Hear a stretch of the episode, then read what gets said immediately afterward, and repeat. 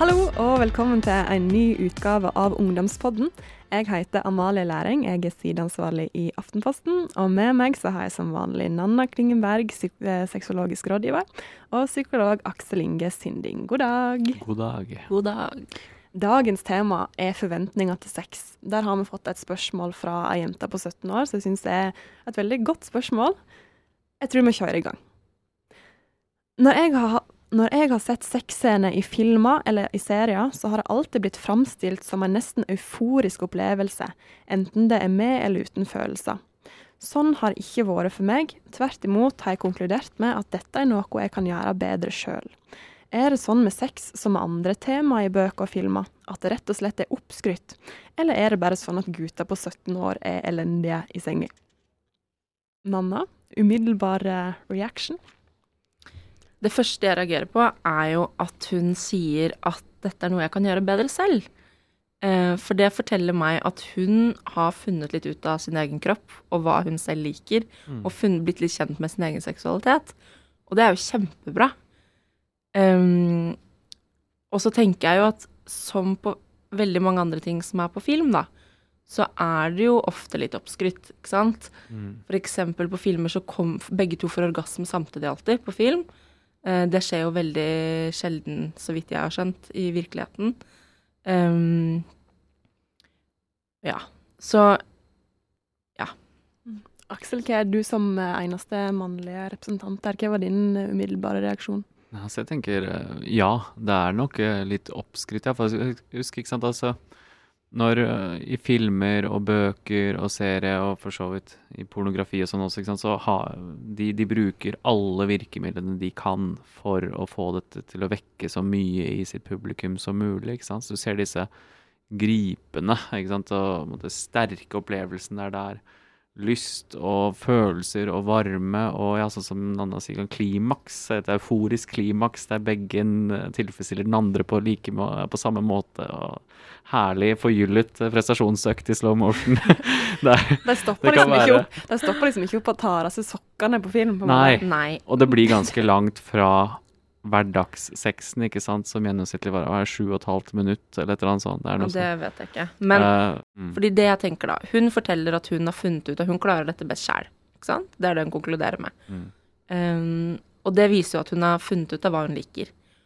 Og da er jo trikset, tror jeg, for å få god sex Det er litt sånn som med alle andre ting, man må jobbe for det. Ikke sant?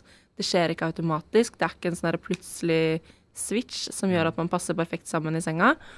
Eh, og da er det så innmari viktig at man klarer å kommunisere rundt det.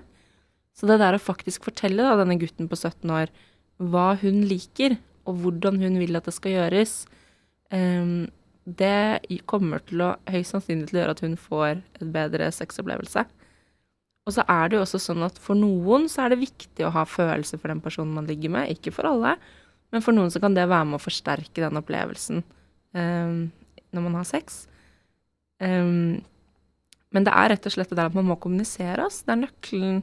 Det er rett og slett nøkkelen. Men det er kanskje litt sånn piler, da, hvis du er 17 år, så skal du stoppe opp og fortelle hva du liker og sånt. Det veit ikke jeg hvordan det er. Jo, det kan godt, det kan sikkert være litt pinlig. Det kan være pinlig om man er 30 eller 17, eller det spiller ingen rolle. Men, men jeg tenker at hvis man først har bestemt seg for at denne personen vil jeg ligge med, um, så er det Jeg tror nesten jeg kan love at det er verdt det å tørre å ta den praten og si guide, Gi en liten guide til hvordan det oppleves.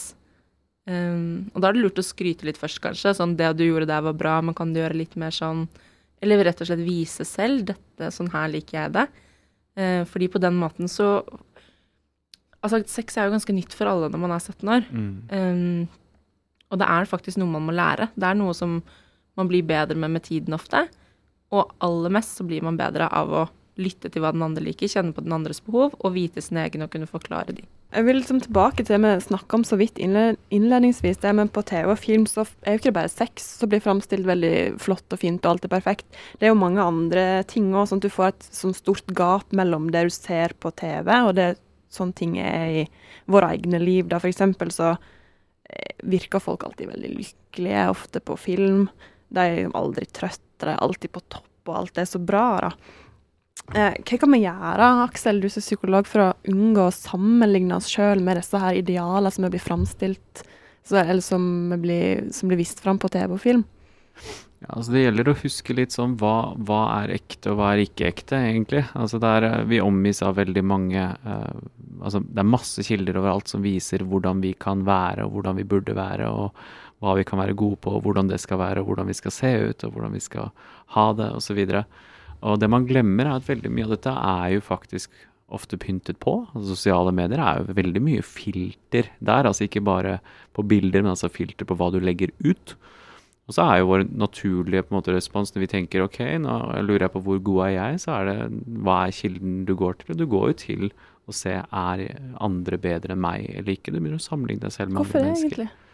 Det er andre som vi bruker som ankere for å se om vi er gode nok som mennesker. Det er på en måte en av de mest naturlige måtene å føle at man passer inn på. Sammenligne seg med andre mennesker. Um, da er det mange som gir det tipset at ja, du må slutte å bry deg om hva andre synes, og du må slutte å sammenligne deg med andre. Det lettere sagt enn gjort. Det er lettere sagt enn gjort. Og det, det da jobber du på en måte imot da, titusener av år av evolusjon som har primet oss inn på å sammenligne oss nettopp med andre mennesker. Men akkurat helt... når det kommer til seksualitet, så er jo det litt riktig, faktisk. Da er det lurt å ikke sammenligne seg så mye. Ikke sammenligne seg så mye, men å faktisk bare fokusere på det du liker, og det partneren din liker. Mm. Fordi det fins jo et evig spillerom av hva folk tenner på og nyter. Eh, så akkurat der så står man jo veldig, veldig fritt. Mm. Og det er det vi på en måte egentlig råder til også, da, altså når det kommer til sånne ting. altså Istedenfor å eh, Altså, når du merker at du overmannes av et perfeksjonsjag eller prestasjonsjag, da. Så en, ta deg en liten sånn runde og så se ok, hva er det egentlig jeg strekker meg etter nå. Er det realistisk eller ikke? Og så tenk heller istedenfor hva er viktig for meg? Hva er godt for meg? Hva liker jeg å bruke tiden på? Hva bringer meg nærmere den jeg vil være? F.eks. Eh, i sexlivet ditt. da. Mm. Og så er det de aktivitetene som mm. man bør fokusere på å fylle tiden sin med. da. Mm. Så da når jente 17 selv vet hvordan hun hva var det hun dette er noe hun kan gjøre bedre selv. Hva er det hun gjør da, som funker for henne? Mm. Og hvordan kan hun forklare dette og vise dette til den hun ligger med, eller har sex med? Hvis hun gjør de tingene jevnlig, eh, så vil det føles bedre enn å hige etter et klimaks eller et mål som det fremstilles i en film, f.eks. Så hva blir svaret på spørsmålet hennes, Nanna? For det spørsmålet er jo, er jo følgende. Er sex rett og slett oppskrytt, eller er det bare sånn at gutter på 17 år er elendige i senga? Hva skal vi svare? At sex er en helt individuell opplevelse. Eh, at man ikke kan sammenligne seg med alt mulig rundt seg. Men at hun må fortsette å utforske sin egen kropp og finne ut av, fortsette å vite hva hun selv liker. Og kommunisere det til den hun ligger med, for da vil hun få en bedre opplevelse. Vi skal gå inn i helga snart, og da er jo det tid for våre anbefalinger. Skal begynne med noen filmer med min generasjon. Nå er jeg 26, med filmer vi så på. Nå er det ikke pornofilmer jeg skal anbefale, jeg merker at det hørtes litt sånn ut.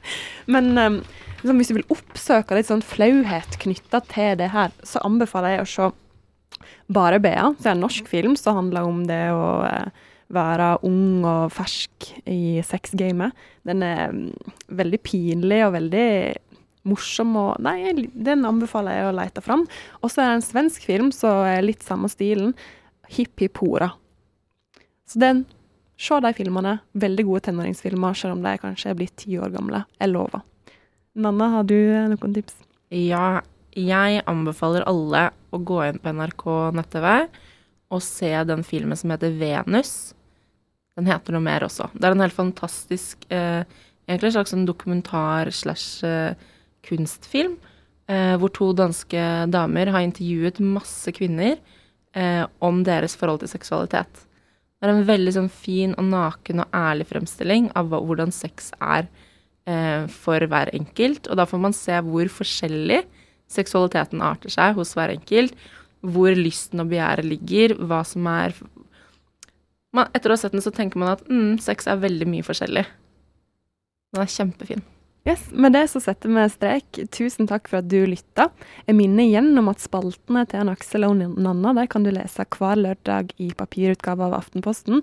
Du kan lese dem på side.no helt gratis. sid.no. Du kan abonnere på denne podkasten her. Da får du en fersk podkast gratis på fredager, rett inn på din telefon.